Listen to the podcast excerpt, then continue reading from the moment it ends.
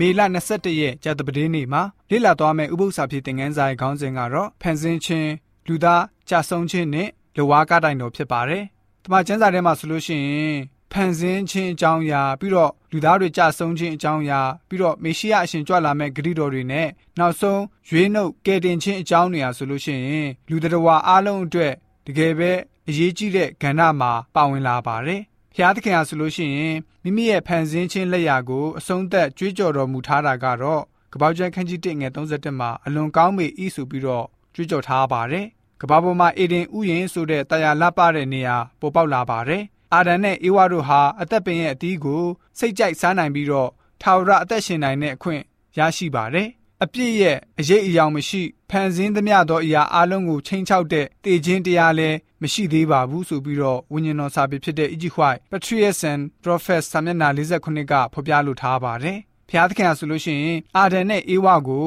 ကောင်းမကောင်းတိကျွမ်းရအပင်ရဲ့အသီးကိုမစားမိဖို့တားမြစ်ထားပါတယ်။စားမယ်ဆိုရင်ဧကအမှန်တည်ကြရမှာဖြစ်ပါတယ်။မွေဟာ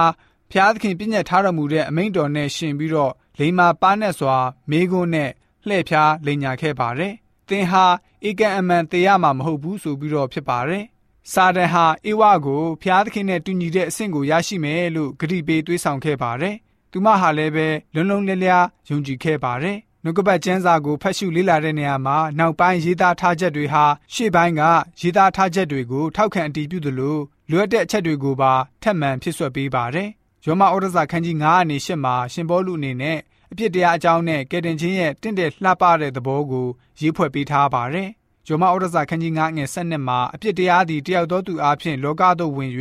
အဖြစ်တရားအားဖြင့်တေခြင်းတရားဝင်သည်နှင့်အညီလူအပေါင်းတို့သည်အပြစ်ရှိသောကြောင့်တေခြင်းသို့ရောက်ရကြ၏ဆိုပြီးတော့ဖော်ပြထားပါတယ်။သို့သောစင်ကဲ theory ရဲ့ရှုထောင့်ကတော့လူသားတွေမပေါ်မရှိမီနှစ်တန်းပေါင်းများစွာကတည်းကတည်ခြင်းတရားရှိနေပြီးသားဖြစ်ပါတယ်။ အဲ့ဒီတုန်သင်ချက်မျိုးဟာတမန်ကျမ်းစာကနေတုန်သင်တဲ့အပြည့်ရဲ့မူလအစအကြောင်းနဲ့လုံးဝဆန့်ကျင်လျက်ရှိပါတယ်။သခင်ခရစ်တော်ရဲ့လဝါကတိုင်ကိုစားပြုအသေးခံခြင်းအပြင်ကယ်တင်ခြင်းစီမံကိန်းကြီးကိုဆောင်ရွက်တော်မူခဲ့ပါတယ်။အပြစ်ဟာတည်ခြင်းနဲ့ပတ်သက်ဆက်နွယ်မှုမရှိဘူးဆိုရင်အပြစ်ရဲ့အကျိုးအခါဟာတည်ဆုံးရခြင်းမဟုတ်ပါဘူး။သခင်ခရစ်တော်ကိုယ်တိုင်လည်းပဲကျွန်တော်တို့အပြစ်အတွက်အသေးခံမှုအကြောင်းမရှိပါဘူး။ဒါကြောင့်ဖန်ဆင်းမှု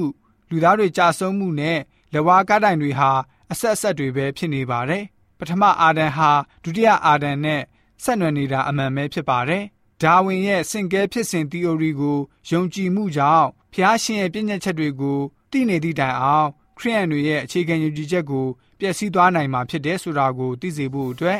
ဂျာတပတင်းနေဥပု္ပ္ပစာဖြစ်တဲ့ငန်းစာကဖော်ပြပေးထားပါတယ်။